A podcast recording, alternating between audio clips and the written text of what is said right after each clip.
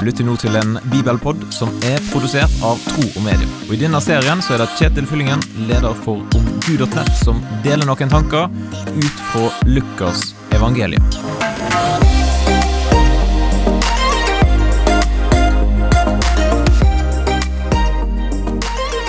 Noen ganger så lurer jeg på om folk var litt tøffere før i tida.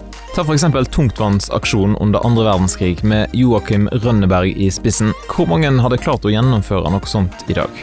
Og Litt av samme slår meg når jeg leser dagens bibelpod-tekst i Lukas kapittel 2 og vers 1-7. Der står det Det skjedde i de dager at det gikk ut befaling fra keiser Augustus om at hele verden skulle innskrives i manntall. Denne første innskrivingen ble holdt mens Kvirinius var landshøvding i Syria, og alle dro av sted for å la seg innskrive, hver til sin by. Josef dro da til byen Nasaret i Galilea opp til Judea, til Davids by, Betlehem, siden han var av Davids hus og ett, for å la seg innskrive sammen med Maria, som var lovet bort til han, og som ventet barn. Og mens de var der, kom tiden da hun skulle føde. Og hun fødte sin sønn, den førstefødte. Hun svøpte han og la ham i en krybbe, for det var ikke husrom for dem. Josef og Maria de må ha vært ganske tøffe.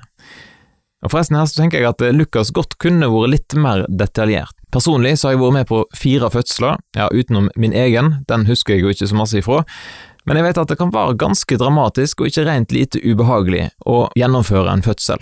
Og da er jeg på et godt sykehus i Norge, under rimelig godt oppsyn ifra kompetente personer.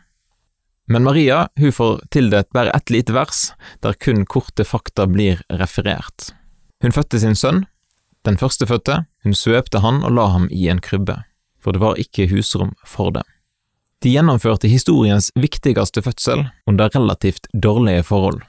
Men de klarte det, og det gikk bra. Noen år senere så skriver Paulus i brevet til filipperne Alt makter jeg i Han som gjør meg sterk. Og kanskje var det dette Maria òg fikk erfare.